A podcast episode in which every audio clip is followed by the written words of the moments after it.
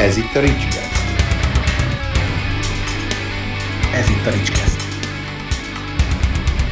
Ez itt a Ricskeszt. Ricskeszt. Sziasztok! Ez itt a Ricskeszt harmadik adása. Jó magam, Rics vagyok. Bemutatkozást most, most megspóroltam, igen, tehát bemutatkozást megspórolom most már. Első kettőnél meg volt. Múltkor beszélgettünk az első adásban egy nagyon jót arról, hogy kellenek-e új kötelező olvasmányok, vagy jók a régiek, illetve hogy érvényesek-e még azok a helyzetek, amik abban vannak. Ugye említettem akkor, hogy lett volna egy vendégünk, Holden Rose, vagyis Kovács Attila, aki akkor sajnos nem tudott eljönni. Sziasztok! Most viszont el tudott jönni, van. és ismét csatlakozott hozzánk Tarrósi Bálint. Sziasztok. Műszaki kiadó munkatársa. Attila, bemutatkozol nekünk? Hosszan vagy röviden? Ahogy jól esik. Jó lesz hosszan is. Igen. Ne, nem akarok. Röviden úgyse hosszan. tudsz szerintem. Kovács Attila vagyok, és ezzel a névvel gyakorlatilag feljogosítva éreztem magam, hogy olyan művész nevet válasszak, amilyet csak akarok. Ezért aztán választottam magamnak egy Holden Rose ö, hangzású művésznevet, amit kifejezetten csak az íráshoz és a, a, az irodalmi munkáimhoz használok. Gyakorlatilag két részből tevődik össze. Az első rész a Holden, amit Holden Caulfield-től kölcsönöztem. Ő számomra az abhegyezőből az örök lázadó tini srác. Mint én. És emögé szerettem volna valami rövidet, Cook vagy King vagy ilyesmi, nekik olyan jó bejött. Azt gondoltam, hogy akkor én is választok valami hasonlót, ezért kiválasztottam a Rose-t. Azt gondoltam, hogy ha Exoroznak megteszi, akkor nekem is tökéletesen jó lesz. Ajjajajajajaj. Így tevődött eddig nem össze. tudtam, és mennyivel jobb volt így. Ez a De milyen jó választás. Nem, ezt csak utólag mondom hozzá egyébként. Nem, nem, köze nem volt az Exoroznak hozzá. Egyszerűen csak valami rövidet akartam, és volt még benne egy érdekesség, ha ezt elárulhatom, hogy a Róztól egy kicsikét olyan femininebb csengésű ez a művész név, és mivel én ugye fiúknak, lányoknak írok és gyerekeknek, azt gondoltam, hogy talán könnyebben nyúl egy kislány is a könyvért, hogyha egy kicsit ilyen a ö, névnek a csengése. Én magam is sokáig nem tudtam eldönteni, hogy Agatha Christie az most Agáta vagy Kriszti. Ugye van benne, ennek van egy, egy ilyen vonulata, ezért aztán megadtam erre az esélyt. Hát ennyit a neve, művésznévről.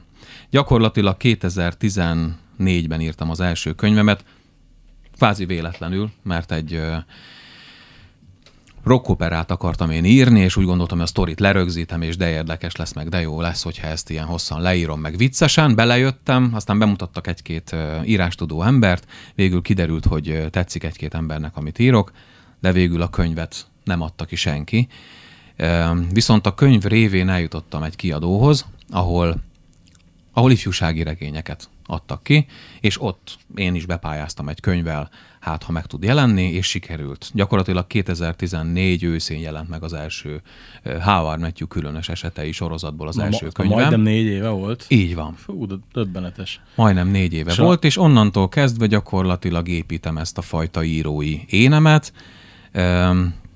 Fél évente jött ki egy Howard, utána a hatodik alkalommal ez a hat novellás novellás kötet, így van hat kötet most a Howard Matthew különös esetei sorozatból, illetve utána írtam még néhány könyvet, gyakorlatilag most a tizedik könyveben dolgozom, ez a lényeg. A, az a könyv, ami nem jelent meg, az az volt, amit én olvastam? A Igen, a sárkány kétszer. Oké. Így van. Az nem jelent meg.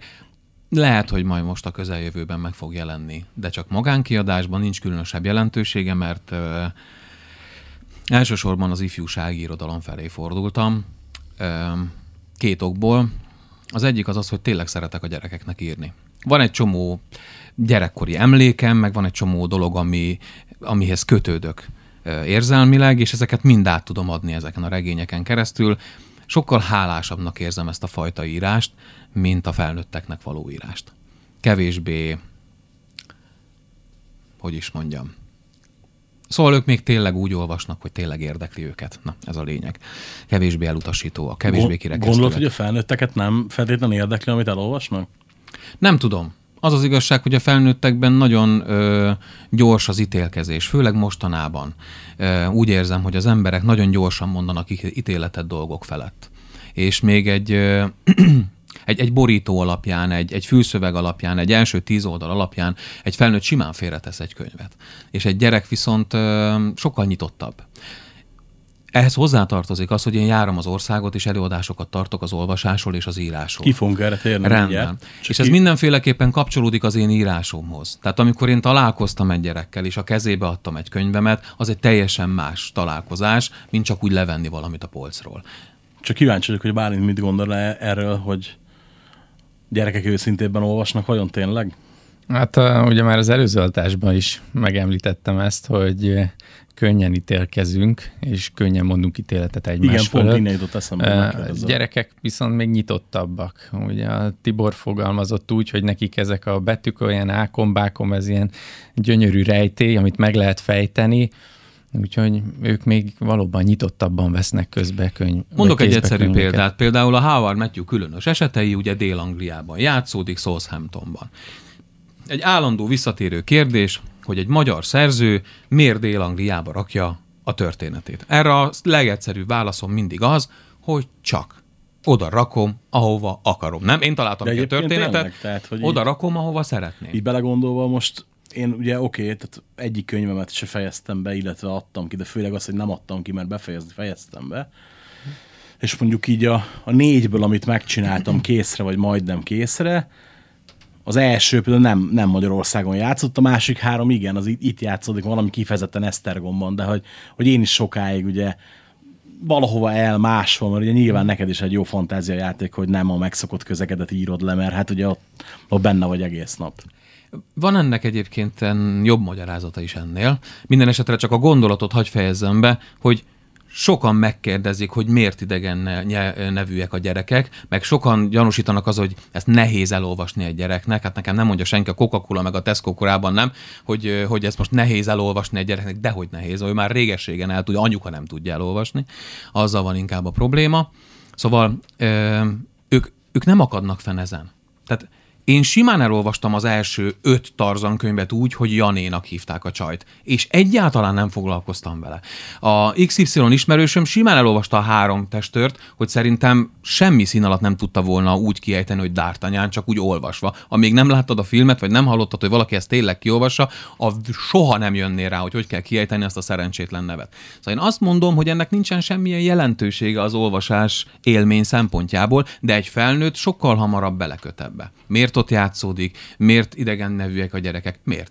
Azért, hogy ne Magyarországon játszódjon, hiszen ha csak a mese elmélet ennek a részébe belegondolsz, van egy ilyen, hogy ugye egy sima magyar népmesébe, vagy akármilyen mesébe, hát az olyan véres, az horror.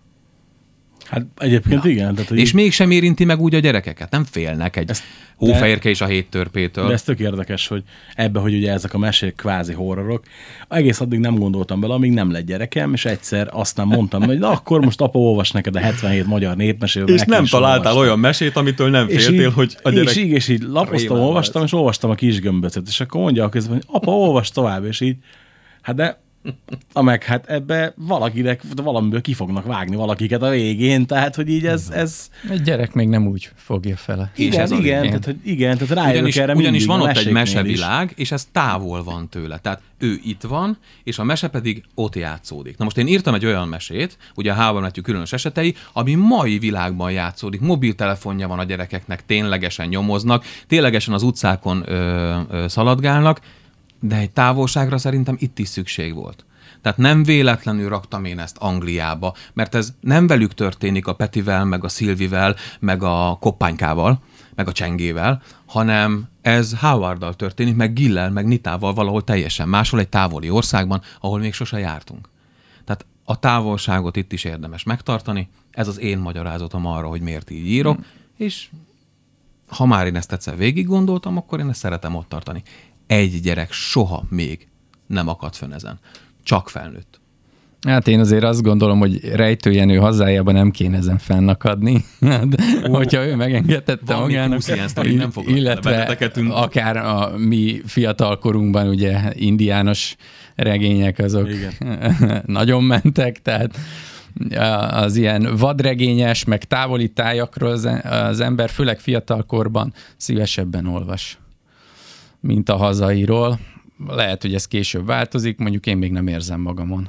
Én most elkezdtem egy hazait, ami majd Kaposváron játszódik, Pipacs utca 5 lesz a címe, és fölcsaptam a leggyakoribb magyar adott neveket, és a első húszból fogom a szereplőim nevét kiválasztani, pontosan ennek az ellenkezője révén, viszont nem is fogok olyan ö, necces bűnügyeket kitalálni nekik, mert, mert, mert, mert nem hangzik jól.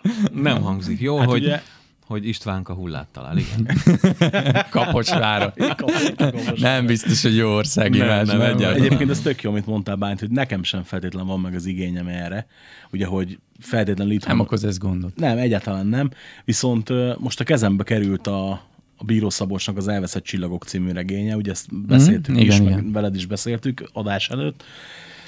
És ott például annyira teljesen természetes volt, hogy a Dunaszerdahelyen kezdődik a sztori. Ugye nekünk az viszonylag közeli, mert itt van Esztergomtól nem messze a Dunaszerdahely, ugye a felvidéken, és utána Egerben játszódik a nagy része. És ugye igen, jártam azokon az utcákon, jártam azokon a helyeken, és hogy tök jó bele tudtam élni magam. Mondjuk én nem is feltétlenül a célközönség vagyok, mert ugye az ilyen 12-14 éves fiataloknak íródott, de ettől függetlenül tök jó volt olvasni valamit, ami helyi. Viszont ettől függetlenül a, a magamtól választott olvasmányoknak a nagy része tényleg nem itthon játszódik. Ebbe így eddig nem gondoltam bele, de szerintem a Hunyadi sorozat kivételével nem is olvastam olyat az elmúlt négy-öt évben, ami itthon játszódott. Én azon se akadnék fenn egyébként, hogy nem a te korosztályodnak íródott egy mű, hát a amerikai tini regényeket is olvassa mindenki Persze, olvaszájba. persze, persze. Hát én Ez meg, nem én, okoz én, én problémát. meg egyébként is ilyen nagyon nem azt mondom, hogy betegesen, de nagyon-nagyon rá vagyok kattam az ifjúsági regényekre. Ugye folyamatosan nézem munka közben is, amikor ugye a könyvek átmennek a kezemen, hogy mik a jó ifjúsági regények, és amilyen azt úgyis megveszem, vagy legalább belelapozok, beleolvasok. És egyébként sokszor sokkal jobbak. Nem is az, hogy jobbak a sztorik, hanem hogy, hogy úgy jobban felkelti az érdeklődésemet, mint egy csomó felnőtt könyv. Tibor legutóbb kimondta egyébként a lényeget, az irodalomnak szórakoztatnia kell. Hogyha téged ezek szórakoztatnak, akkor olvasd ezeket. Tehát Igen, igen, igen, ez tényleg. E- emiatt én azt gondolom, hogy nem kell senkinek se szégyenkeznie, hogy mondjuk tetszik neki, mit tudom én, az alkonyat, érted? Vagy valami hasonló tini regény, azért akár gyerekeknek. Ezt akartam mondani.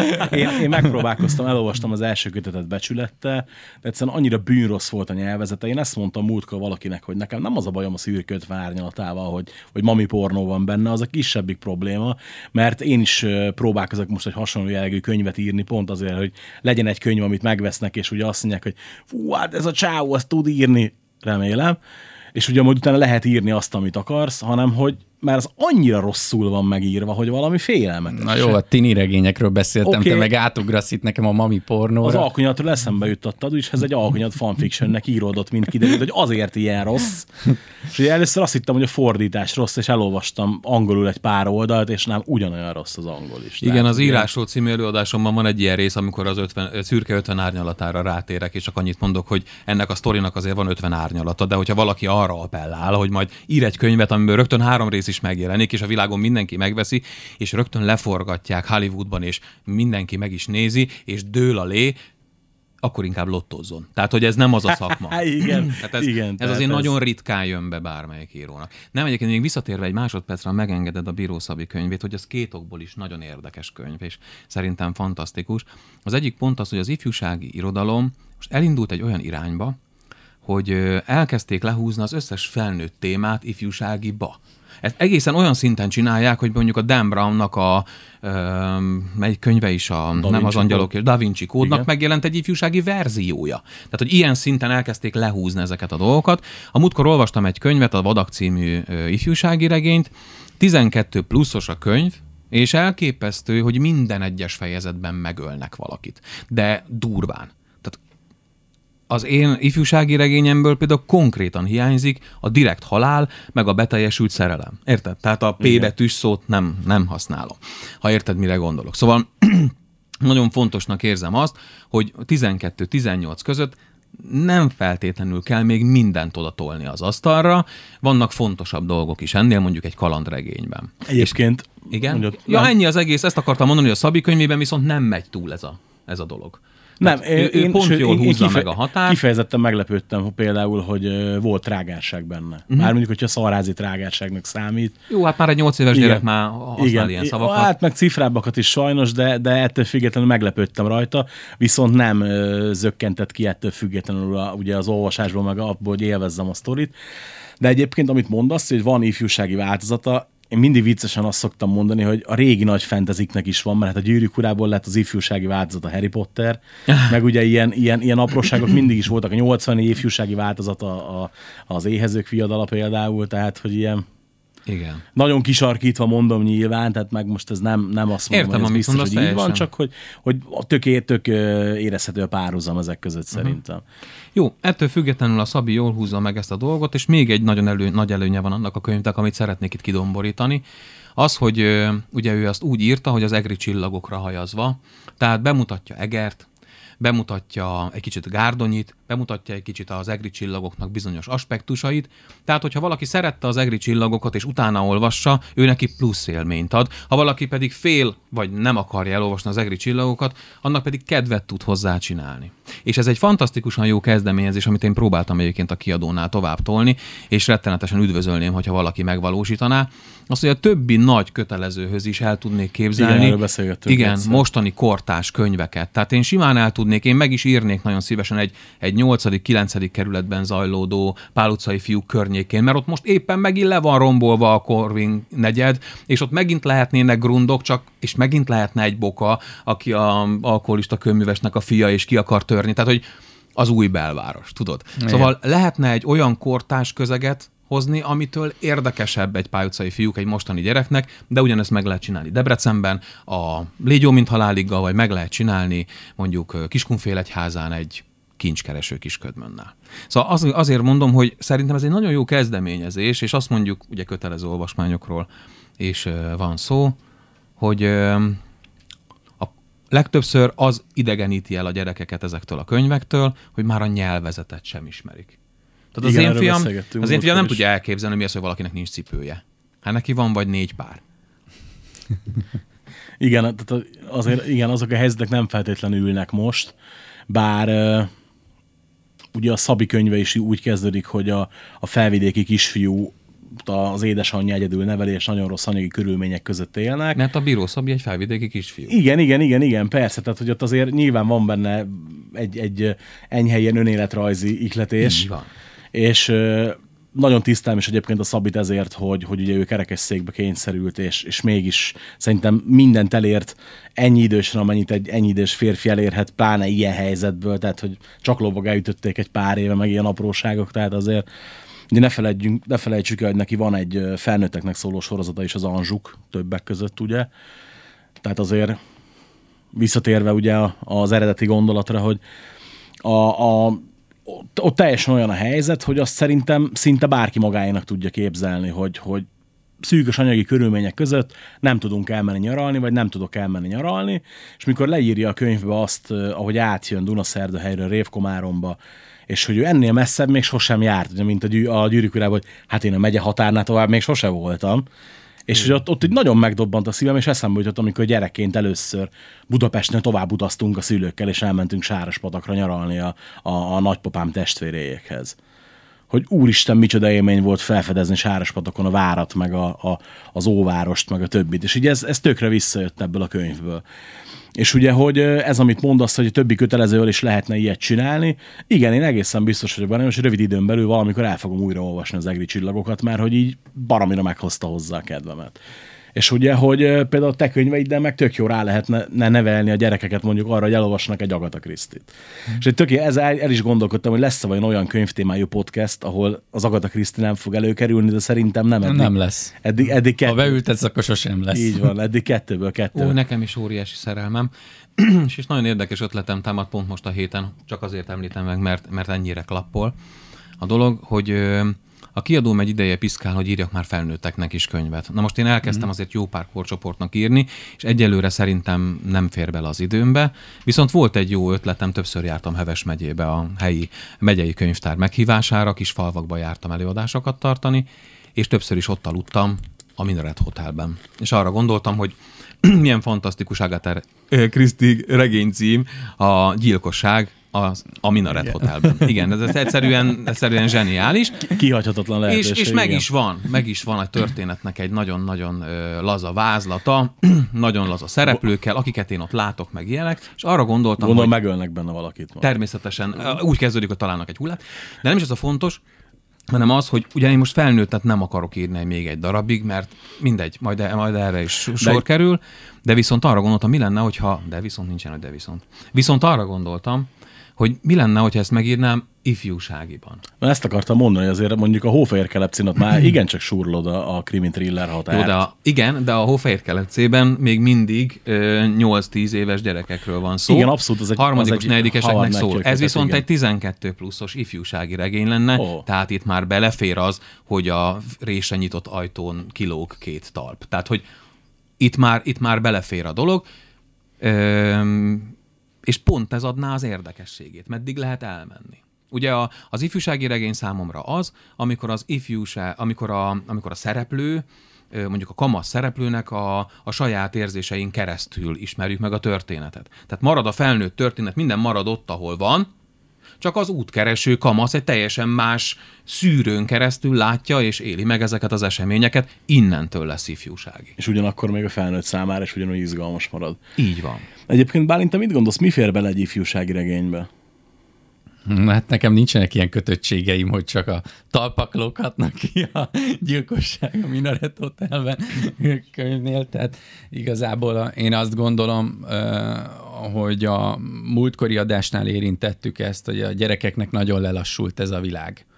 És az internet eléggé kitárta kapuit a világra nekik, tehát sokkal többet látnak, sokkal többet tapasztalnak, mint amit mi tapasztaltunk abban a korban, amikor mondjuk általános iskolákban ők most mm, azt ott szépen kitapossák az útjukat, kezükbe veszik ezeket a könyveket, rájuk már ömlik ez az egész világ szó szerint, Eh, rengeteg az információ, rengeteg ebből az olyan információ, amit eh, lehet, hogy még a mi szüleink azt mondták volna, hogy hát Bálint, ez, ez, ez még nem neked való, de ők már megkapják. Eh, És én azt is látom, hogy egyre fiatalabb korban olvasnak olyan műveket, amire mi még azt mondanánk, hogy még korai. Hát például az is egy érdekes sztori volt, amit a Tibi mondott az előző adásban, most nem az előző, hanem az első adásban, mert ugye ez majd a harmadik lesz, hogy melyik, nem, nem is emlékszem, melyik művet vették az órán, és ugye, hogy jött a, hogy a megy a mozikba a gyilkosság az Orient Expressen. Mm, Igen, Agatha Christie-ről volt Igen, szó és hogy- is, és hogy olyan- és a tíz olyan- kicsi négert kezdte elolvasni a Tí- srác. Tíz kicsi négert hozta párhuzamba valamivel a Tibi, és a srác, aki soha életében nem olvasott, megvette, elolvasta, és utána már vette is magától a következőt, és elkezdte olvasni azt is. Tehát, hogy ugye, hogy ez a mennyire fontos az, hogy mivel kezd el először. Igazából ezt csak annak kapcsán beszélgettünk akkor erről. Ezek mind fontos dolgok. Konkrétan van egy ilyen, ezt tanítják, hogy nem mindegy, hogy kitől kapod az, a meghatározó könyvet a kezedben. Tehát, tehát van az a személy, aki a kezedbe adja a megfelelő könyvet. Tehát én például nem olvastam ifjúsági irodalmat. Ifjú, ifjúsági koromban, ifjú koromban nem olvastam ifjúsági irodalmat. Egyrészt nem is volt még úgy, ö, ilyen jellegű ifjúsági irodalom, mint most van. Másrészt meg én katonai koleszos voltam, tehát én kapásból 14 évesen össze voltunk zárva a 18 éves srácokkal, és mi azt olvastuk, amit a nagyok olvastak. Tehát én 14-15 évesen már Stephen Kinget, meg Clive Barkert olvastam meg, meg Michael Crichton, és eszembe nem jutott, nem tudom, két lottit olvasni, érted, amire gondolok. Mondjuk erre én Szóval- kifejtettem, kifejtettem múltkor. Mondjuk ez nem probléma, hogy Igen. ezeket olvastad.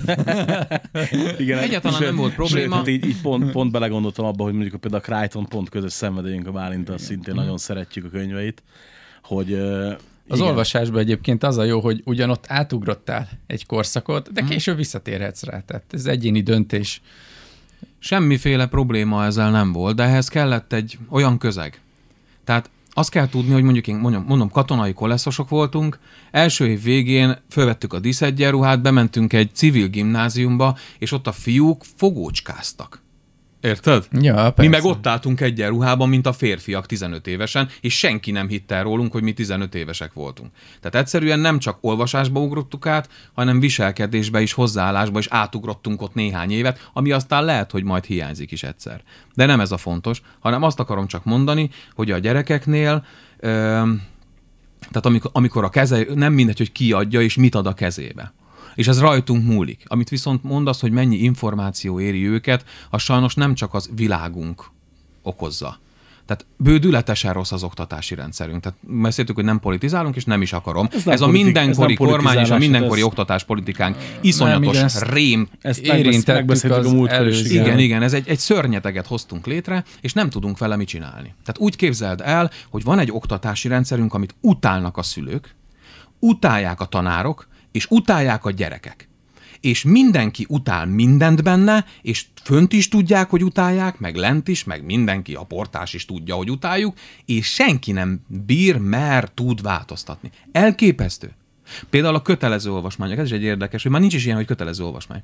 Ajánlott olvasmányok vannak, a tanárok bármelyiket lecserélhetik. A legtöbb tanár azért nem cseréli le, mert ahhoz akkor neki is el kéne olvasni ezt a könyvet, óravázlatot kéne írnia, vagy neten Na, a kerettanterv azért meghatároz egy kötelező listát, amit tartani amiből, kell. De abból is ki lehet a szerzőnek, lehet más művét belehozni, meg ilyenek. Tehát egy csomó lehetőség Kötöttség, van. és félnek is tőle, mert bejön a szakfelügyelő, és úgy rúgja segbe, hogy a holdig száll. Tehát És az akkor megint ott probléma, tartunk, miért jön be az a szakfelügyelő, és miért nem... Na, hát, na ilyenekről beszélek. Hogy akadályozza a munkát. És A legnagyobb probléma viszont nem is ebben van. Én azt figyeltem, most nem azt figyeltem meg, ez a tény, hogy a legtöbb olvasót ötödikben veszítjük.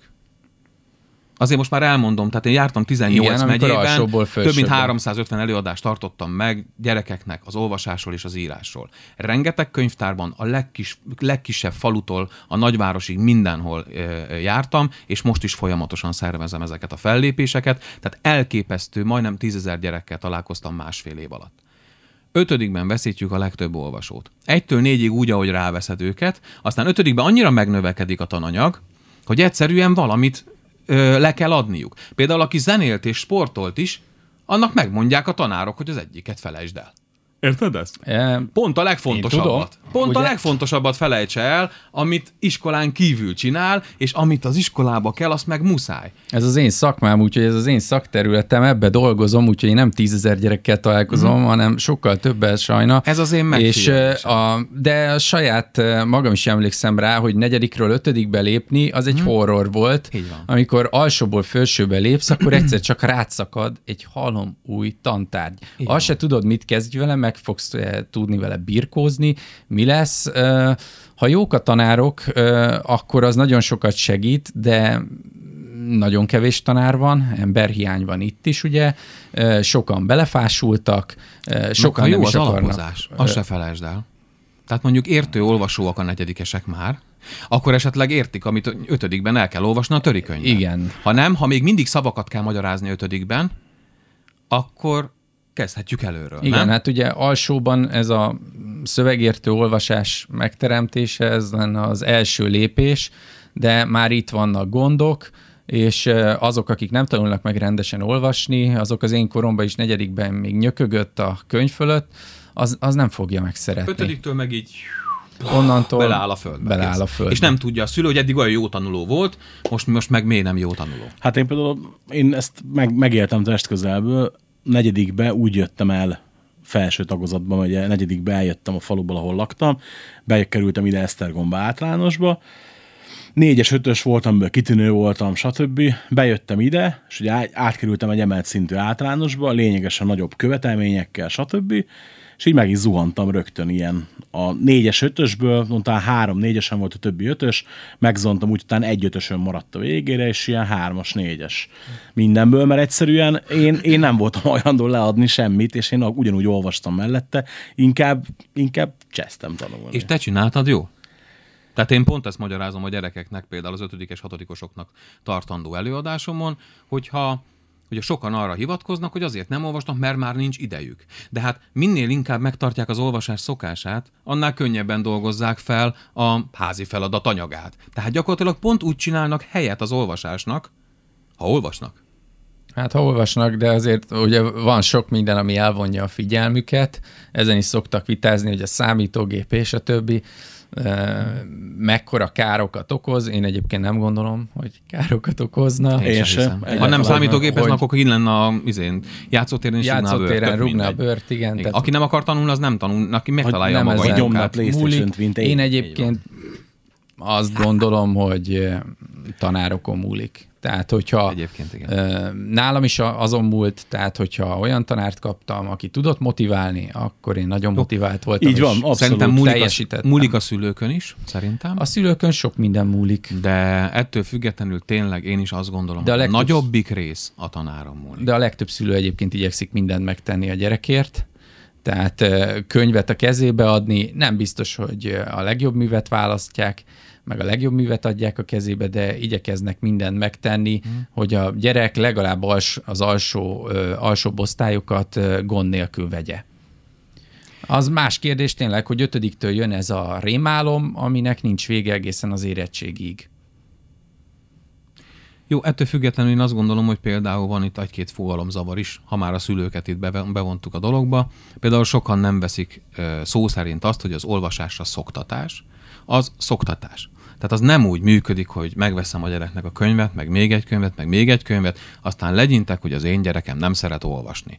Egyszerűen ez nem úgy megy, ez olyan, mint a bilire szoktatás, nem? Veszek neki egy kék bilit, egy zöld bilit, á, az én gyerekem most már mindig ilyen lesz, és inkább törlöm utána a padlót. Ez egy marhaság, ez nem működhet Igen. így. Tehát az olvasás, a szoktatás is pontosan ilyen. Utána megyek. Ja, most miért hagytad félbe azt a könyvet? Nézzük meg. Kiderül, hogy félreolvasott ott néhány szót, fáradt volt, azt se tudja, hol tart a könyvben, akkor felolvasom neki az utolsó fejezetet, már is tudja folytatni a könyvet, mert visszatalált, megtalálta újra a fonalat. Akkor például az én fiam elkezdett olvasni, és kapott egy ropi naplóját természetesen. Egyébként azon kívül, hogy elképesztően unszimpatikusnak találom a főszereplőjét a könyvnek, mert egy undorító kis féreg. Azon kívül egyébként Ez a könyv- lényeg benne. A könyv zseniális. És nem csak azért zseniális, mert, mert, mert tényleg szívesen olvassák a gyerekek, hanem egyszerűen megtalálta kinni azt a, azt a azt az ügyes kommunikációt, hogy beleépítette ezeket a rajzokat a történetbe. Tehát nem lerajzol és illusztrál egy jelenetet, hanem megy a történet, és maga az illusztráció is a történet része. Része, igen. az első kérdés az volt a fiamnak, hogy kiszínezhetem-e a könyvet? Hát persze, hogy kiszínezheted, hiszen fekete-fehér, te meg egy elsős gyerek vagy, és olvasol, bakker, azt csinálsz, amit akarsz. Már hoztam is neki a színes szeruzát, utána pedig azonnali hatállyal írtam egy Leonardo Lovak című könyvet, ami kifejezetten elsős másodikosoknak van, kezdőolvasóknak, és az egész egy színező. Mert ez is egy rossz berögződés, ahogy elkezdett olvasni a gyerek az iskolába, tanár első mondata, ne firkálj a könyvbe. Hát dehogy ne firkálj a könyvbe. Hazajött a gyerek, már mondtam is neki, hogy oda firkálsz, ahova akarsz, a könyvtárja a könyv, majd apa megveszi. Te ne törődj semmivel. Olvasáskészség, finom motorika. Csináld, nem? Én Igen. Ne, nem áll. Az összes, összes tankönyvemet mindent telerajzoltam zenekarlogókkal. Így van. De Ilyenkor kell szemüveget rajzolni a híres írónak, meg a nem tudom micsoda, mert ez, ez a korszak, és ennek így kell működnie. Nekem az mindig attól függött, hogy mit csináltam belőle, hogy éppen milyen korszakon volt olvasásban. A Kincses sziget után mindenki kalózó. mindenki kapott sapkát, meg mindenki elvesztette az egyik szeme világát. Kölcsei a másodikat is. Hát ez egy kicsit morbid volt, de azért benyögted. Nem, hát ez, ez így történt. Sajnos ez, ez megtörtént eset volt, hogy későn vettem észre, hogy a jó, jó személyre került a szemkötő. És akkor erre mondta, mondta azt az irodalom tanárom, hogy hát, te egy igazi hülye vagy. De, de jót nevetett rajta ő is végül, igen. Megszokta addigra már, hogy mindenki, mindenki Jim Hawkins, meg, meg Long John Silver volt, ugye. Hú, te így belegondol, az egyik legmeghatározóbb ifjúsági regényem. Bár egyébként nem ifjúsági regény szerintem, csak a magyar, magyar átdolgozás volt egy kicsit ifjúsági jellegű, de ez csak egy kis kitekintés. Mondjad? Nem, semmi. Ja, csak azt hittem. Nem, egyetértek teljes mértékben. Nem, kölcseiről jutott eszembe egy teljesen másik dolog, hogy a unokaöcsémnek volt föladva őszi szünetre. Szerintem ez már, már eredendő bűn. Tehát, hogy ilyen szünetre leckét adni, hogy ugye tanulja meg a, a teljes himnuszt. Ugye hat verszak. Én, én fontosnak tartom, hogy a himnusz első verszakát mindenki tudja. Szerintem ez egy tök fontos dolog, ezt együtt énekeljük, és ha valaki nem tudja a szöveget, az még egy rockkoncerten is hülye. Nem, hogy egy himnusznál. Tehát ez alapvetés. De hogy a másik ötöt mi a francé kell bemagolni, azt egy elképesztően hülyeségnek tartom, mert sokkal fontosabbnak tartanám, hogy mi lenne, hogyha hat kölcsei vers első verszakát megtanulná a gyerek, és rögtön teljesen más képet kapna magáról a Itt költőről. a Tibi most nem biztos, hogy egyet értene veled. Biztos, mert ő- hogy nem. Mert, ő- mert ő ugye azt mondta, hogy a himnuszt meg kell tanulni, himnusznak az ózatot meg kell tanulni. Jó, az első verszakot nagyon fontos. Meg ismerni a többit, meg hogy miről szól. Így van, ez jó, igen, Fú, fontos. alig, alig várom, hogy összejön, hogy minden négyen itt legyünk, és az, az még jobb lesz. majd ilyen, ilyen min- mindenki hozza az érveit. Ja nem, hát persze, mondjuk amúgy én, én sem Nem, csak gyorsan mondja egy második kölcsei verset. Valaki. Senki nem fog Rettenetes fontosnak tartanám, hogy egy kicsit többet tudjunk arról a költőről, akinek minden egyes ünnepen elénekeljük az egyik legfontosabb versének az első verszakát. Semmi más nem tudunk róla, csak azt, hogy az egyik szemére nem látott. Vagy az én könyvemben egyikre se. A te könyvedben teljesen vak volt. Szóval azt gondolom, hogy sokkal többet adnánk, hogyha egy kicsit kevesebbet kellene tehát túl van tolva Ugye, ez az egész. Ezt is, ezt is érintettük Ezt is egy picit a múltkor, igen, igen. hogy ugye a, a túl sok az adat, meg a, a, száraz tényszerűség a könyvekbe. Illetve jobb lenne több mindenbe belekapni, Igen, hogy igen, nagyobb igen, legyen igen. a rálátás. Így, Meg a a- rálátás. meg ugye- Fantasztikusan fontos szó, amit egyáltalán nem tanítanak a magyar iskolákban. Igen. Meg ugye, hogy, hogy a kronológikus oktatás sem feltétlenül jó. Ugye ezt, ezt, is, ezt is érintettük a múltkor, ugye az Ó, az ez egy irodalomnál. veszőparipám. Rettenetes fontosnak tartanám, hogy a, a zenetörténeti dolgokat, meg a kultúrtörténeti dolgokat összehozzák a, az egyéb történeti dolgokkal. Hogy tudjuk azt, hogy amikor Mozart megírta azt, akkor éppen mi történt a világban. Rettenetesen sok idő, amíg ezt az egészet végül összerakod 20x évesen saját erőből. Ja, hát igen, mert akkor nem fogsz ezen gondolkodni az egészen biztos, vagy Kitekintőt legalábbis. lehetne adni, irodalomba jobb lenne, hogyha nem történetileg haladnának, mert az ókortól nem a legszerencsésebb indulni, tehát az túl nehéz a gyerekeknek. Ugyanakkor a történelemkönyvbe simán lehetne kitekintőket berakni, ugyanúgy az irodalomkönyvbe is, történelembe, hogy, hogy, hogy úgy kb. képbe képbe kerüljön a gyerek. Egyébként általános iskolában inkább mesélni kéne, mint sem ezt a rengeteg adatot nyomni. Tehát az érdeklődést föl kell tenni. Elég a gimibe lenyomni ezt a rengeteg adatot. Hát, a teljesen száraz dolgokra, meg ott van az egyetem, akinek kell, ez ugye egyébként nyugaton is így van. Egyébként ez azért, azért is tökre így van, mert emlékszem, hogy akkor kezdett el először érdekelni a történelem, amikor harmadikban olvasás órán elolvastuk a búvárkundot. Baromira tetszett. Tök jó meg volt írva egy ilyen két oldalas kis Igen. Szöveg a, a, az olvasás könyvbe. Utána, mikor fogalmazást kellett írni magyarból, kötetlen volt a téma, rögtön írtam valami hasonlót. Fú, de büszke voltam rá, hogy azt a mindenit, de jó volt ez a sztori, és hogy á, ugyan, ugyanígy voltam lehel-kürtjével is. Tehát, hogy így tök jó meg lehetett ezt csinálni, és ugye, hogy mivel ilyen kicsit ilyen meseszerűen volt előadva, ezért érdekelt is. Aztán, amikor ugye nekünk ö, felső tagozatban, vagy 5-től 8-ig nekünk voltak ilyen opciók, hogy bizonyos tantárgyakból tarthatták is előadást, jobb jegyért, plusz jegyért, ilyesmi. Történelemből rendszeresen csináltunk a Miklós Tomi barátommal, aki történész is lett aztán később. Rendszeresen csináltunk ö, különböző előadásokat a Stalingrádról, főleg második világháborús témákról nyilván. Mi pont, meglepő. Igen, igen, akkor pont, pont, pont olyan korszakunkat éltük, rengeteg Sven Hasselt, meg nem is tudom, miket olvastam még akkoriban, és ö, ugye ott is a, az osztályban sokkal jobban megrögzültek azok a dolgok, amit mi kicsit ilyen lazábban, limonádébb jelleggel adtunk elő, mint ugye Detti néni, aki nekünk borzasztó, kőkeményen tartott a történelem órát, és mindent tudni kellett, és a második világháború, amikor jött a sok csata napra pontosan, hát bele is zavarodott az egész osztály. Tehát, hogy ott is ez a sok, sok, sok, sok, sok, sok, sok, sok minden, és nem, nem akalások, de sok, sok, sok minden, sok volt nekik nagyon. Ugye ez, ugyanez, igen, főleg az irodalomnál, mikor megtanulsz egy két oldalas életrajzot a könyvből, jó esetben két oldalast, és tele van egy csomó olyan nem releváns info, hát most nem mindegy, hogy mikor jött össze a barátnőjével. Vagy mikor szakítottak harmadszorra, vagy akármi. Tehát oké, okay, nyilván ugye költészeti korszakok szempontjából biztos van jelentőség, hogy a múzsa mikor volt mellette, mikor nem volt mellette, de mondjuk van, amikor meg szerintem ez annyira verseken nem érződik, és mégis bele van az emberbe nevelve. Hát ez nem nagyon lehet. nem lehet vitatkozni. Nekem is, én csak hozzá tudok tenni ugyanilyen sztorit, a múltkor gimnazistáknak tartottam előadást, még érettségi előtt voltunk, és akkor eltaláltam mondani egy ilyen mondatot, hogy nem sokára jön a matek érettségi, és, és ott föl fogják nektek adni az ezer ismeretlenes egyenletet, meg az ilyen koszinusz, meg az akármicsoda, és ebben mind otthon vagytok, és ugye meg fogjátok csinálni, hogy görbüljön legalább. De mondjuk itt van ez a terem, és ezt szeretném kifesteni úgy, hogy két rétegben. Ki tudja nekem kiszámolni, hogy hány liter festéket vegyek? És mindenki nézett, mint a luki nyúl.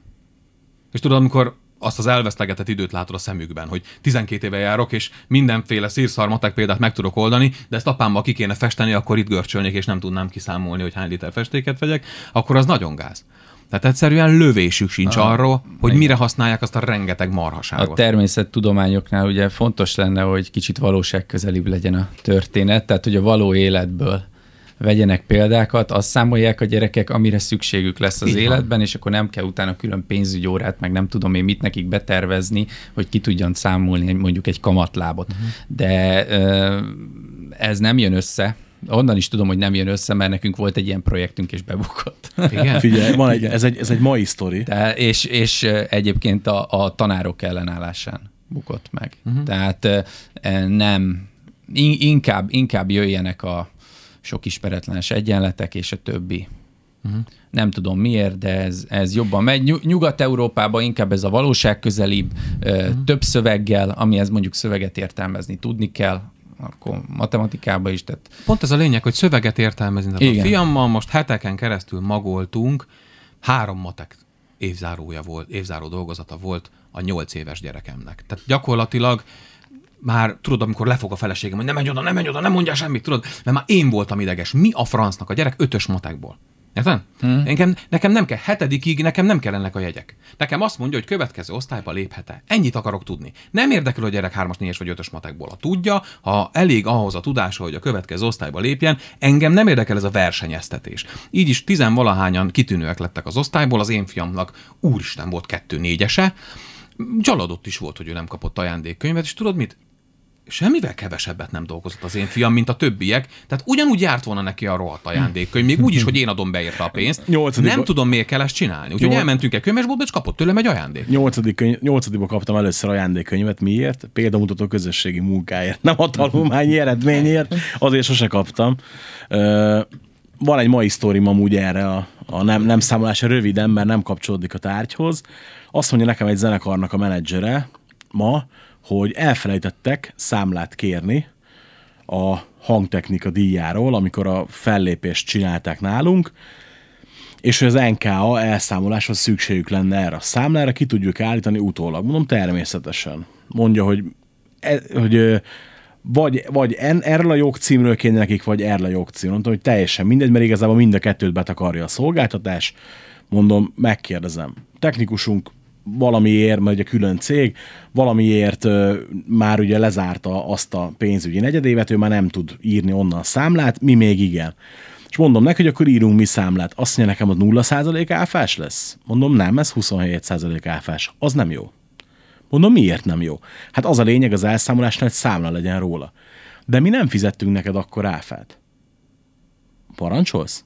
Mi nem fizetünk neked akkor áfát, nem jó a 27% áfás számla, mert nem tudok neked áfát fizetni. De mondom, figyelj, adtál egy összeget, amiről csak egy nyugtát kaptál annó, nem kaptál áfás számlát. Hát mondom, adok neked egy számlát, ahol a bruttó összeg lesz az, amit te fizettél, és mondom, a nettó meg majd lesz valami, amit ugye kiad a szorzat. De nem fizettünk áfát. Érted? Feltételezem, nem tudtad keresztül ütni a matek példát. Nem. És mond, hiába mondtam neki, hogy figyelj, mondjuk azt, hogy te nettó ennyit fizettél, az bruttó ennyi. De, de ő, nem, és, és még egyszer mondom, ez egy viszonylag jó menő zenekarnak a menedzsere. Tehát valaki, aki ugye elvileg pénzügyi dolgokról tárgyal egész nap. És ez, ez azért... Sok számtalan példa matematikánál nem, nem segített, tehát, de sokaknak nem segít, tehát eh, reggeltől estig folytathatnánk az Egész ilyen nap persze. ilyen példákat Tehát, mondani. eh, rengeteg egy, ilyen sztori van is. még meg, ami annyira elüt ettől, de mégis annyira jellemző ezt az egészet. Pár évvel ezelőtt, mondjuk egy tíz lehetett, elterveztük a nejemmel, hogy akkor mostantól futni fogunk. Ez egy halva született ötlet volt egyébként, de, de mindenféleképpen szerettünk volna adni a sportnak. És ö, Kirésztettek egy sportegyesületet, és adó egy százalékot. bementünk egy sportszer áruházba, ahol a hölgy, aki ott a sorban eladóként működött, kiderült, hogy ő egy középtávfutó. Tehát ő egy kifejezetten ezzel foglalkozó emberke, és segített nekünk sport, futócipőt választani. Ugye lövésünk se volt, ott volt a rengeteg cipő, életemben nem futottam csak akkor, hogyha majdnem lekéstem a buszt, tehát hogy nem volt semmi Vagy ha közünk. üldöztek. Így van. Egy rossz koncert után. Így van, vagy simán a Népligetben egy jó koncert után. És jó. segített nekünk kiválasztani a cipőt, és akkor ott elkezdtem, mondtam neki, hogy hát hogy szúr az oldalam, amikor már régóta futok, 20 lépés után, És, és ő elmondta, hogy ez mindig így van, és megmagyarázta, hogy miért. És utána elkezdett nekem mondani ott egy-két dolgot a futásról, és nem hiszed el, 12 év iskola után random eladó a Decathlonban 10 perc alatt megtanított futni. És én rájöttem, hogy én, hogy én nem tudok futni. Érted ezt? Mekkora időpazarlás volt az az ipari mennyiségű tesi óra? Hogy lövésünk sincs, hogy hogy kell egyáltalán futni. Ez azért nem olyan bonyolult dolog. És, és elkezdtünk így mozogni, egészen más élmény tudni futni, mint csak futni, mint a hülyék körbe-körbe, abban a vállalhatatlan kék rövid nadrágban, meg a, ugye, sose láttam még olyat, aki az a jól lát. Vagy szűk volt, és akkor így kellett belebújni, mint hogyha izé szambáznál, vagy úgy át rajtad, mint egy glotgatya, és akkor ez sehogy nem volt jó. A lényegtelen.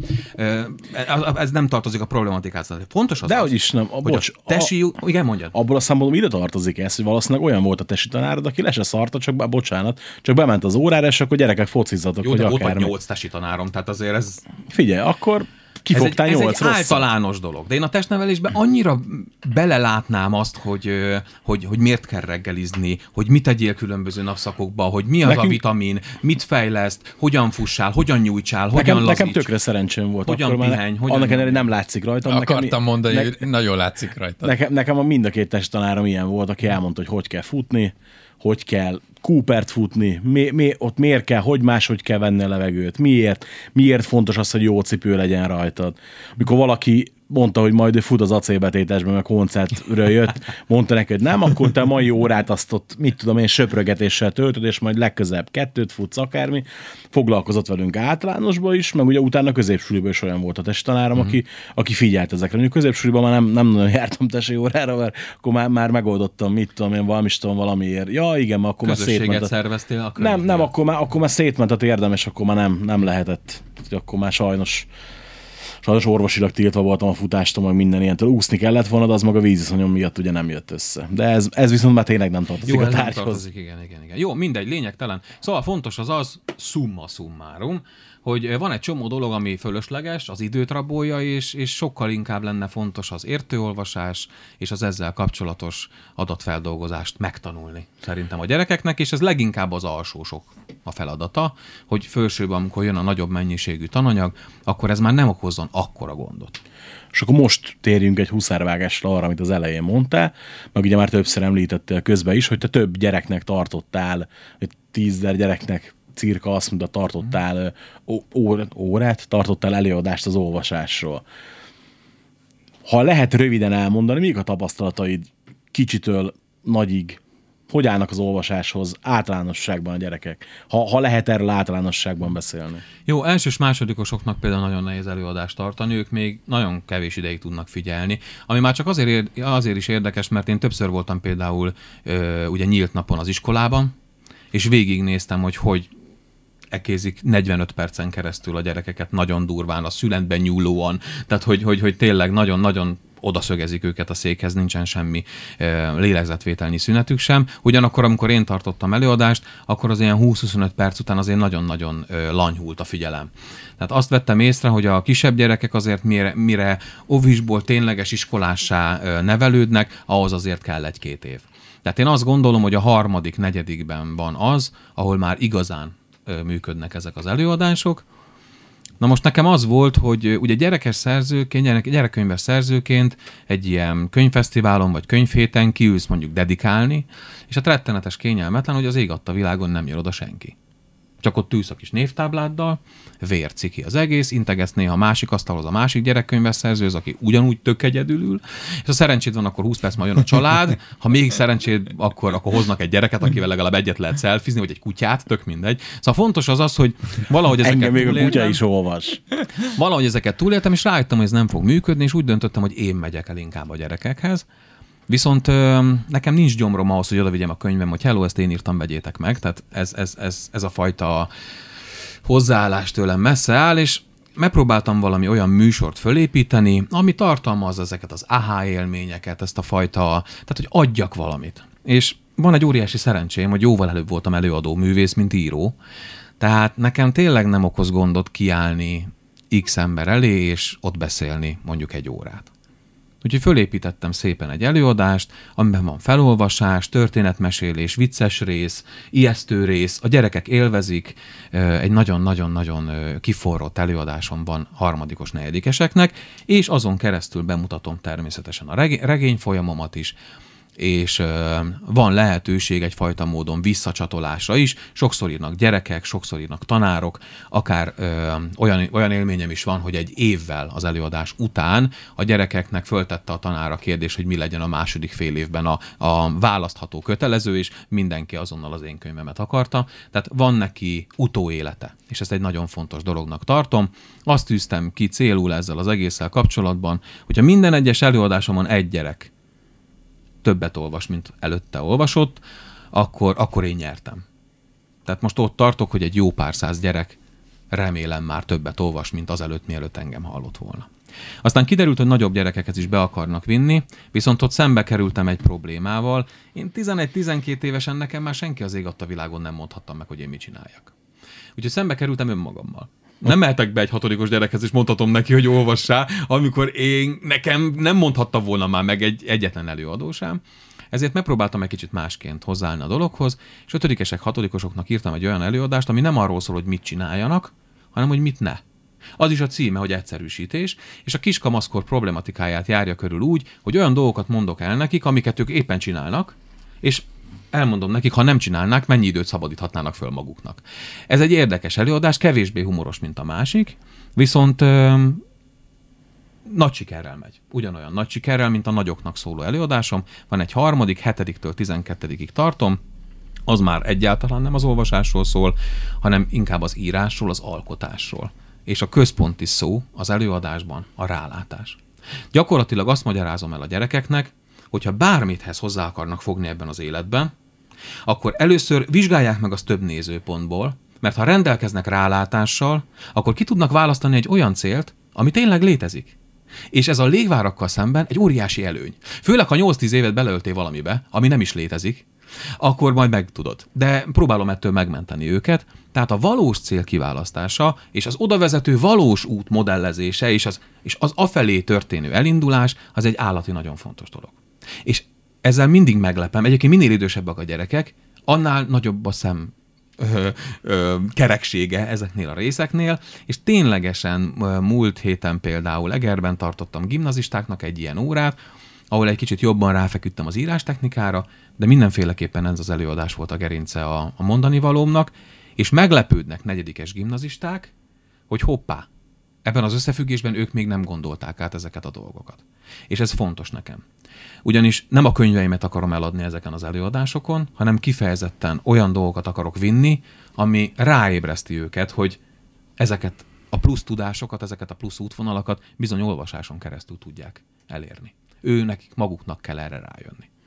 És mi az általános tapasztalat a tanárok, hogy reagálnak az előadásaidra, illetve akár a könyveidre? Mint mondtam, a tanárok ö, felnőttek. Ők teljesen másként állnak ez a dologhoz. Vannak fantasztikus tanárok, akik már készülnek arra, hogy jövök, akik már letöltenek egy hangos könyvet tőlem, egy novellát megismertetnek, mielőtt odaérek. Vannak, akik ott lesznek lelkesek, és ugyanúgy tetszik nekik, és elolvassák a gyerekekkel együtt. Jó pár osztály most már úgy csinálja, hogy kapásból teljes osztályi könyvet rendelnek, és akkor a tanárral együtt ezt feldolgozzák, szóval van nagyon sok ilyen sikertörténetem. Van egy-kettő hely, ahol ö, a ta- gyerekeknek tetszek, a, diá- a tanárnak annyira nem, vagy látom rajta, hogy ő most ezzel nem tud foglalkozni. De hát ugye az embernek különböző bajai vannak, hogyha aznap karambolozott, akkor pont nem fogja érdekelni az én előadásom. Azt viszont nem szeretem, amikor hátul a tanárok beszélgetnek, és még sose szóltam rá senkire, de azt nem szeretem, hogy ha olyan dolgot csinál egy tanár az előadásomon, amiért a diákjára rászólna. És ez egy érdekes tapasztalat. Nagyon sok helyen jártam, és ahol már a tanár nem köszön a folyosón, vagy beszélget, vagy mobilozik előadás közben, ott a diákoktól se várok túl sokat. És nem is érdemes.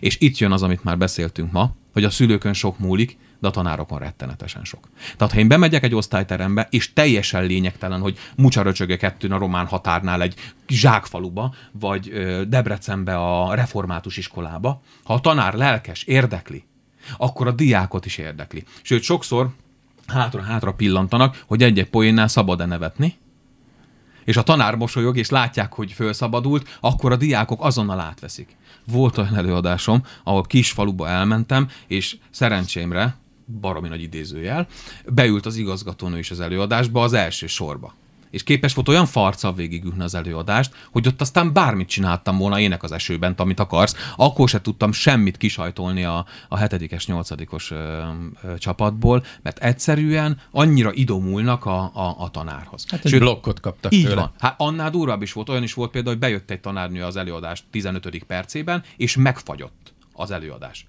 Teljesen. És utána elmondták a könyvtárosok, hogy a gyerekek féltek attól, hogy ha visszamennek az iskolába, akkor majd ott le lesznek szidva, hogy milyen hülyeségeket válaszoltak, holott nincs rossz válasz. Tehát Persze, az előadásom az egy interaktív, végképp, interaktív előadásról van szó, amiben igenis kíváncsi vagyok, hát nem nagyon tudnak már meglepni a gyerekek. Tehát egy előadást letosz kétszázszor, akkor már nem nagyon érkezik olyan válasz, ami már egyszer nem érkezik. És mindig van egy gyerek, aki trollkodik, tudod, ilyesmi, Persze. és én ezeket már nagyszerűen tudom kezelni. Olyan már volt, hogy szóltam a tanárnak, hogy köszönöm, innentől átveszem. Egyetlen egyszer volt olyan, amikor a, amikor a jelenlétemben kapott egy fülest egy gyerek például. Ilyen is volt. Tehát sok sztorim van, amit el se hinnétek, de, de az általános tapasztalatom az, hogy amikor kapnak a gyerekek egy újszerű előadást, ugye ritka például a férfi tanár.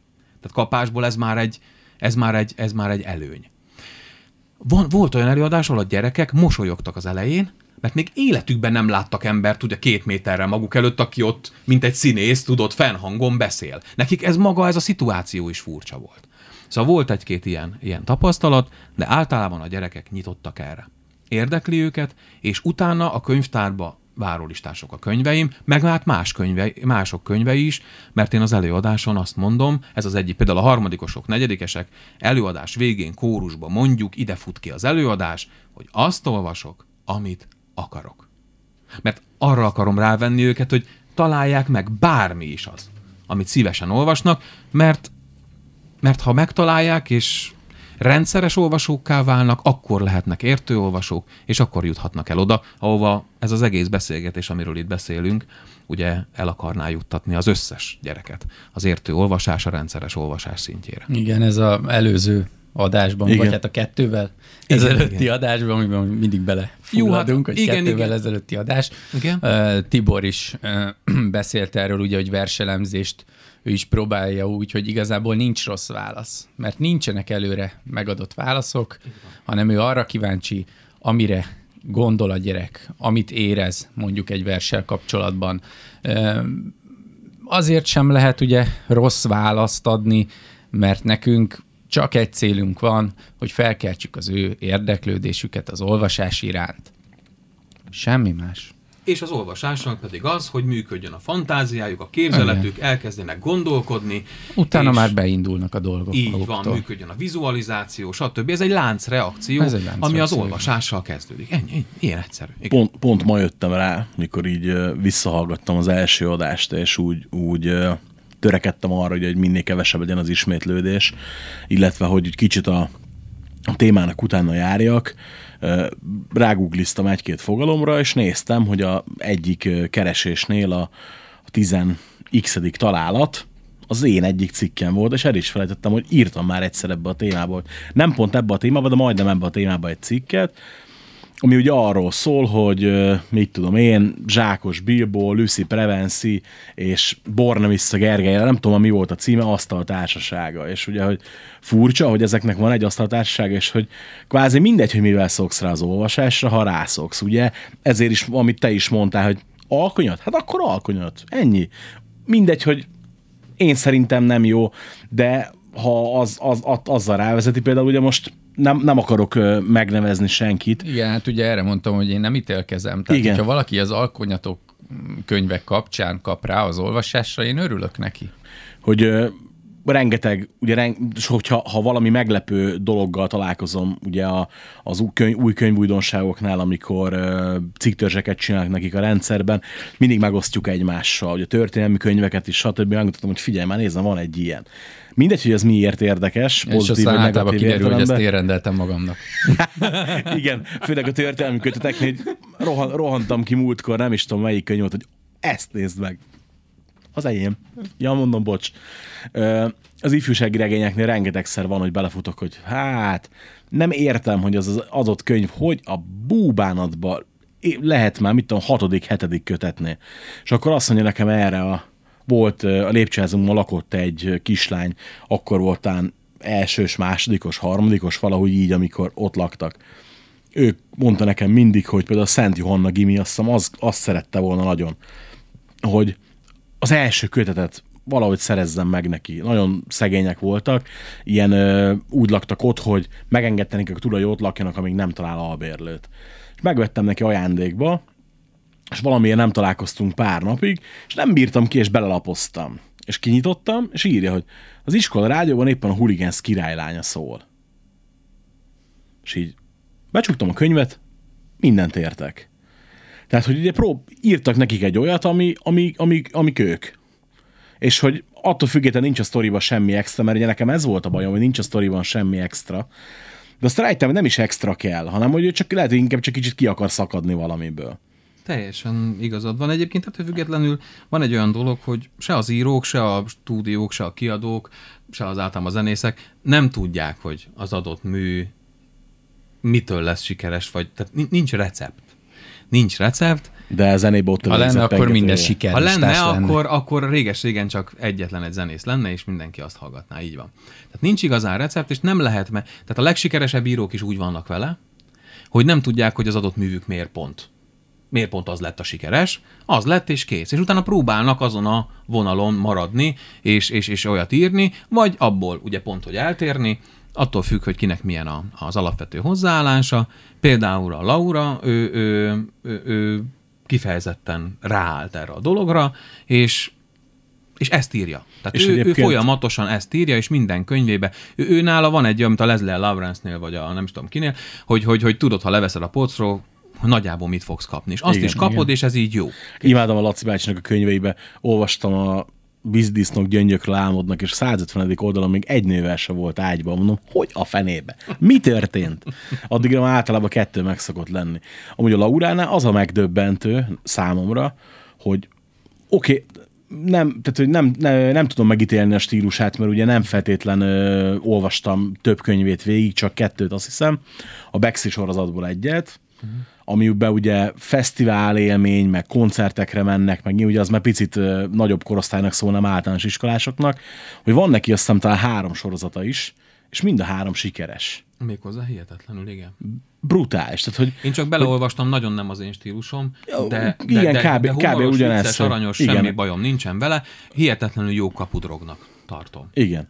Tehát nekem van konkrétan olyan sikertörténetem, hogy az anyuka, aki, aki mindig is kitűnő tanuló volt, ki volt akadva, hogy az ő kislánya, akik 13 volt azt hiszem akkor, hogy ő, hogy ő nem olvas. És én nekem pont akkor jelent meg az első könyvem. A harmadik kifejezetten ez az olvasás, a szoktatás jegyében, és ő azonnali hatája ezt megvette, mert ugye személyes ismerősök voltunk, és kezébe nyomta a lányának, hogy itt van a író, már is dedikáltam neki, tudod, volt egy minimális Igen. Érzelmi kötődés, ismerem a kislányt egész picikora óta, és akkor nekiállt ő ennek a könyvnek. És életében először végig olvasott egy könyvet. Ugye akkor hirtelen nem volt több könyvem, tehát akkor ez itt meg is állt, és akkor hova nyúljon, megkérdezett egy-két osztálytársait, és akkor jött a Lionel Launának a, a X sorozata, és onnantól kezdve lényegtelen volt, hogy milyen vastag a könyv, egyszerűen az, az volt az, ami aztán igazán behúzta őt, és egy, egy, egy olvasóvá tette. És az, hogy, hogy pont egyik reggel mondtam neked, Bálint, hogy nem is értem, hogy miért nincs ez jobban kikommunikálva. Tehát, hogy Mármint mire... a, a Lauránál tudod, hogy én például tök kevés interjút láttam vele, tök kevés... Mert neki már nem kell.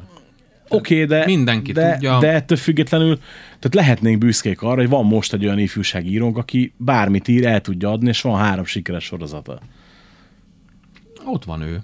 Sőt, most a testvérével csinálnak könyvesboltot, Igen, ő azt tudom. adják ki már az új könyveket, és, és a Laura elérte azt, amit nagyon kevesen értek el Magyarországon eddig, hogy ő az írásból él. Tehát ő ír, és, és jönnek ki sorban a könyvei, amik, amik a megfelelő ö, ö, piacot megtalálták Magyarországon, ez nagyon keveseknek van meg.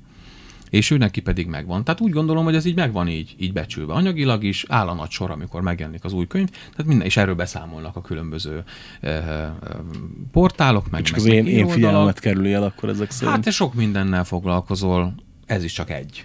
Meg hát fél évente kijön egy könyv, van egy nagy sor, látsz róla két fotót a neten, az egyiket lájkolod, a másikat átlapozod, és kész vagyunk. Tehát egyszerűen nem ez a, nem az a korcsoport, amiben te ö, De ilyen ifjúsági kiadványokban hatalmasat lök az iskolatársak véleménye, illetve az ő ajánlásuk, mert hát egymás között informálódnak, tehát nem szénégető Rihártól fogják megkérdezni, hogy Viszont a gyerekek sokfélét olvasnak. Ez is egy Sokfélét, érdekes. igen. Tehát mondjuk egy Ropi, meg pont egy Leiner Igen. Laura, ezek, ezek, ezek atombiztosak, de ettől függetlenül elképesztően sokfélét olvasnak. Voltam néhány olvasás éjszakáján most tavasszal, ilyen előadást tartani, Mm.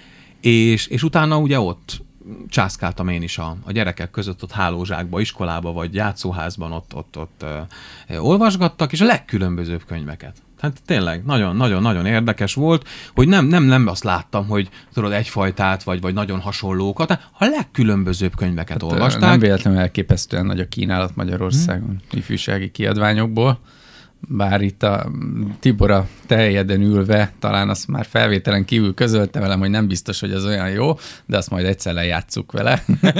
Igen, az, az majd egy külön adás lesz.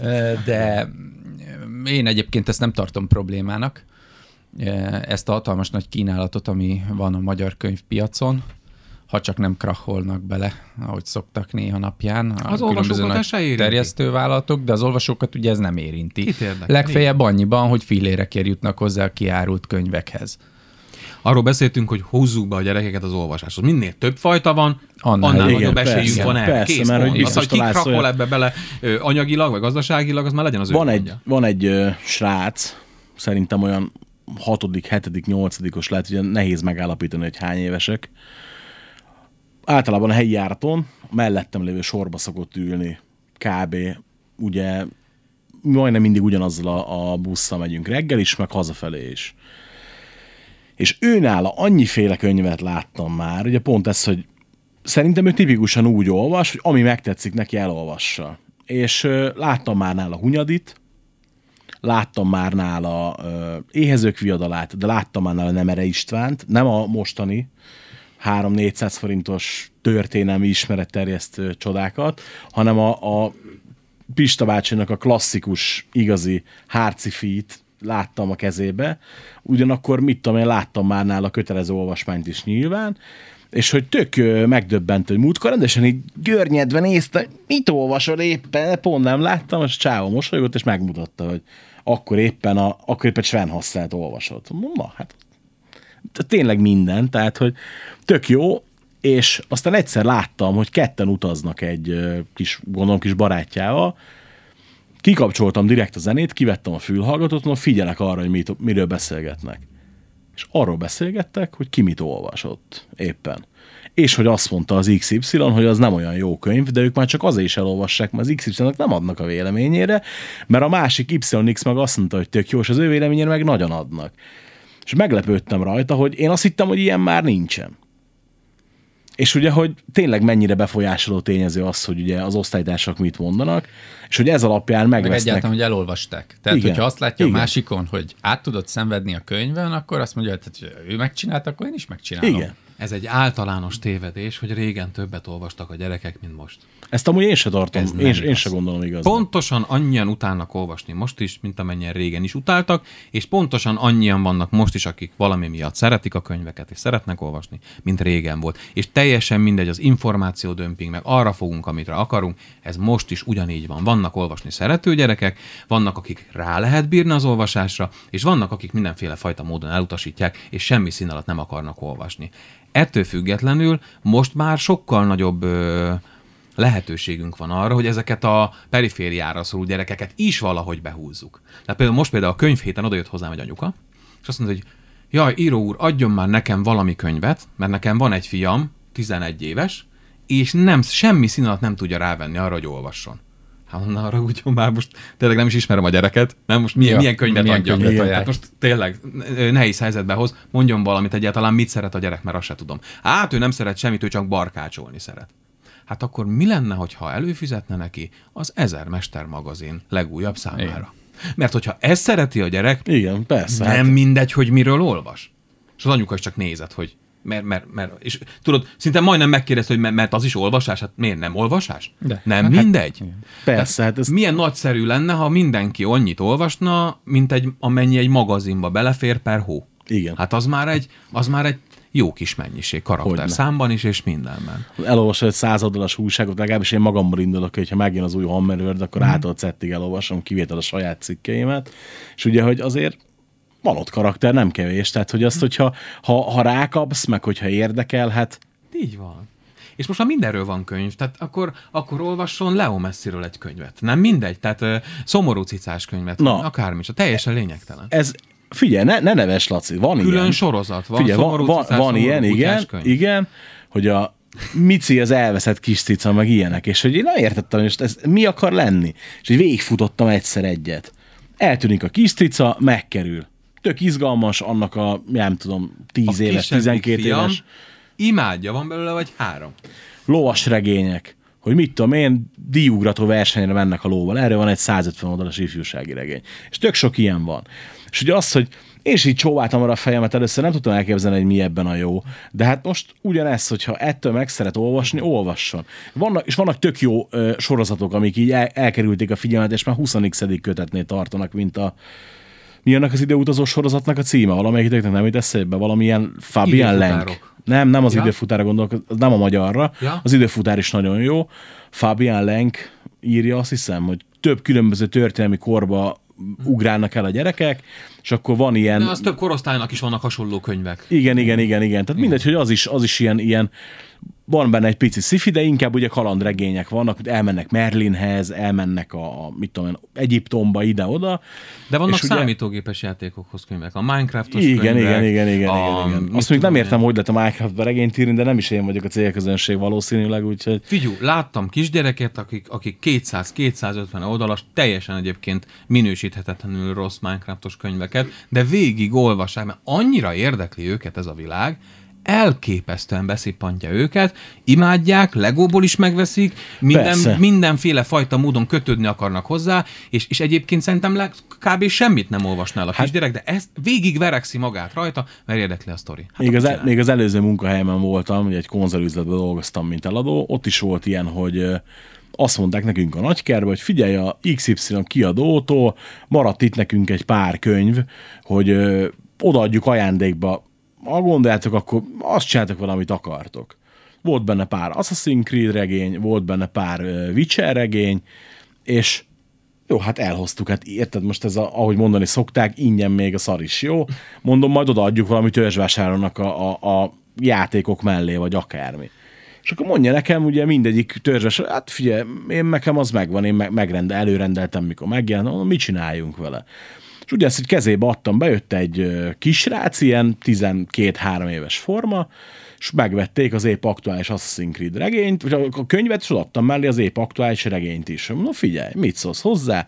Vitték két játékot, vásároltak 20 ezer fölött, ugye ezeken nagyon kicsi a haszonkulcs, kedvezményt nem tudok adni, de mondom, adok egy ilyen regényt ajándékba, mit szólsz hozzá? Apuka megnézte, 4000 forint egyébként az a regény, hú, nagyon szépen köszönjük.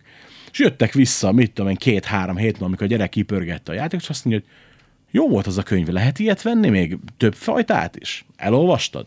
Hát azt mondja, egyébként nem érdekelt, de hogy úgy, úgy érdekelt, hogy hát ha ad valami pluszt a játékhoz képest. Bum. Tök jó kezdet, de egyébként meg nem gondolnék rá, pedig én is elolvastam ezeket a könyveket, nyilván már a játékot is szeretem, de hogy, hogy Sok ilyen van. Volt például egy ilyen ö, kerekasztal beszélgetésem, voltam az Alföldön, ahol az volt a téma, hogy hogy lehet behozni ö, 12-16 éves gyerekeket a könyvtárba. Mert őket egyébként nem lehet behozni. Tehát, hogy ők már az a korosztály, akiket egyáltalán semmilyen féle fajta módon nem lehet. Addig nem tudtad, akkor Igen, utána már akkor nem. Vége. És pont akkor indult el a térség sorozat filmen. Tehát egy sor, sorozatot csináltak a könyvből. A térség Mhm. sorozat regényből csináltak egy, egy, egy filmsorozatot, és mondom például, tessék, az első könyv első feléből volt az első évad.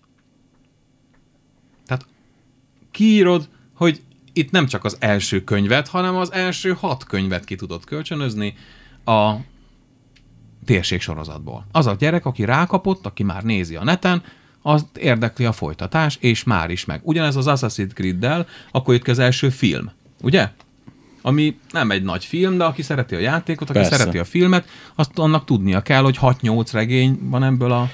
Öm, Hát a fő, főszából igen, annyi amennyi játék, meg ugye még, még már írtak ugye a játékoktól független regényeket és stb. Egyébként megnéztem közben idődetektívek a sorozatnak a címe, ami nem jutott eszembe. Tényleg, tényleg, tényleg. Jó, szóval a lényeg az az, hogy egy csomó ilyen lehetőség van, amiben lehet kötni az aktuális divathoz az egyébkénti olvasmányt. Hát csak kreativitás kérdése az egész. Igen. De úgy néz ki, a felnőtteknek sincs elég néha. Jó, figyelj, hát a könyvtárosok dolgoznak ezen nagyon komolyan. Igen. A könyvtárak most átalakulnak országszerte, mert maga az, hogy könyveket lehet kölcsönözni egy helyről, az most már nem elég. Nem elég. hanem nem közösségi volna helyeket építenek a könyvtárakból, és nagyon sok program érkezik be a könyvtárakba, és nem csak iskolai időbe, hanem egészen a kicsiktől, a babavároktól kezdve a mindenféle programokat próbálnak bevinni ugye könyvtárakba, és a könyvtárak pedig igyekeznek együttműködni a lehető legtöbb intézménnyel, mert most már a fönnmaradásuk múlik ezen az egészen. Nem egy egyszerű történet, de ettől függetlenül pontosan az ilyen ötletek, meg az ilyen hasonló, ehhez hasonló dolgok, ha más nem, behozol oda öt tinit, aki ott megnézi a legújabb részt, és átbeszélik, és utána mindenki egy könyvvel megy haza, vagy éppen visszahozza, és ezek már érdekes közösségépítő megmozdulások, amikre most éppen törekednek a könyvtárak. Ugye így tegnap debütált a, az első adás hivatalosan, ugye eddig csak egy pár embernek mutattam meg, és volt olyan reakció tegnap, azt mondja nekem egy srác, hogy "Hát meg én ráúztam negyed órát a munkahelyemen, hogy végig tudjam hallgatni. Majd tök érdekes volt. Azt mondja, és rájöttem, hogy egy éve nem olvastam könyvet, és azt mondja, este elolvastam a, az utolsó Leslie Lebrez, elolvastam 120 oldalt, mielőtt le, lefeküdtem aludni, film helyett olvastam inkább. Mondtam neki, hogy figyelj, már ezért az egyért megérte azt az adást megcsinálni. Így van. Mert hogy, hogy ez tök jó most. Te most em, ehelyett, és nem azt mondja, hogy a film rossz, mert nem vagyok álszent, mert én is azért nyilván rengeteg filmet nézek, csak hogy igen, tök jó. Nekem is volt egy időszak, amikor észrevettem cikkírás közben is, hogy valahogy nem úgy mennek. A kritikákat is úgy írtam, hogy volt egy sémám, és igazából csak a dalcímeket, meg az előadókat cserélgettem benne kvázi, mert nem olvastam évek óta, ö, évek óta nem olvastam normális mennyiségű könyvet, csak így belevel lapozgattam valami olyanban, amit régen olvastam, és tetszett. És most, hogy nem azt mondom, hogy kényszerítem magamat arra, hogy olvassak, de ugye kvázi ez, hogy írt, felállítottam magamnak egy kvótát, hogy na jó, akkor ha valami érdekel, akkor elolvasom, és ér, érzem azt, hogy egy ide után már rendesen igényem van rá, hogy kell egy kicsit a, a frissülés. Hogy De így, ez teljesen természetes. Tehát én mindig azt magyarázom, hogy az olvasással a fantáziánkat, a képzeletünket, a vizualizációt fejlesztjük. Ahhoz, hogy valami fejlődjön, ahhoz melózni kell. Ezt egyszerűen nem lehet megúszni. Tehát mindenkinek, mindenkinek meg kell értenie, hogy mindenféle tablettával, meg ilyen-olyan praktikákkal lehet mondjuk fogyni, de hogyha tényleg erősíteni akarod magadat, akkor azért melózni kell. Olyan, mint a párkapcsolat. Ha akarod, hogy működjön, azért melózni kell. És ilyen az agyunk is, meg a vizualizáció, meg ez az egész fantázia, ami, ami, ami mozgat minket, hogyha akarjuk, hogy ez fejlődjön az agyunk, hogy, hogy melóba tartsuk, hogy, hogy, hogy működjön, akkor dolgoztatni kell. És a, egy filmnézés az, az ehhez nem elég. Hát igen, egy kicsit menedzselni kell az embernek az idejét, úgyhogy igazából minden beleférjen, de mégse dobják ki semmit. most, van az sajnos, hogy jön, a, jön az időkorlátbeli végünk, úgyhogy ö, egy nagyon gyors kettő mondatba ajánljatok valami jó könyvet az a olvasóknak, hallgatóknak. Imádom az ilyen légből kapott kérdéseket, amire azonnal kell valami okosat mondani. Vagy még gyorsabb. Hál' Istennek, időnk. hál' Istennek van egy standard válaszom. Az én kedvenc könyvem az a Clive Barker-től a Korbács. És azt gondolom, hogy azt mindenkinek olvasnia kell egyszer, úgyhogy ha ebben a hónapban csak egy World Fantasy díjas könyvet szeretnél olvasni, akkor az a Clive Barker-től a Korbács legyen. Hát én most átmennék retro témára, Ready Player One-ra, inkább, mint a film, akkor a könyvet. A filmet meg se javaslom. nézzétek. Én nem, nekem még nem volt meg a film, de ezek után félek, hogy nem is lesz. Ö, Bíró Szabolcs elveszett csillagok, hogy én is mondjak egyet, mert nekem most ez volt a legfrissebb élmény. Nagyon szépen köszönöm, hogy meghallgattatok minket. Ö, megint nem értünk a végére, úgyhogy remélem, hogy következőnek össze tudom hozni a négyest, és azt szeretném mondani nektek, ha bárkinek bármi javaslata van, vagy, vagy valami érdekelné, hogy szeretné, hogy kibeszéljük, akkor reachkukac.reachandgreen.hu a leírásban is megtaláljátok az e-mail címet. Szívesen veszünk minden észrevételt. Köszönjük szépen még egyszer, hogy meghallgatatok. Sziasztok! Sziasztok!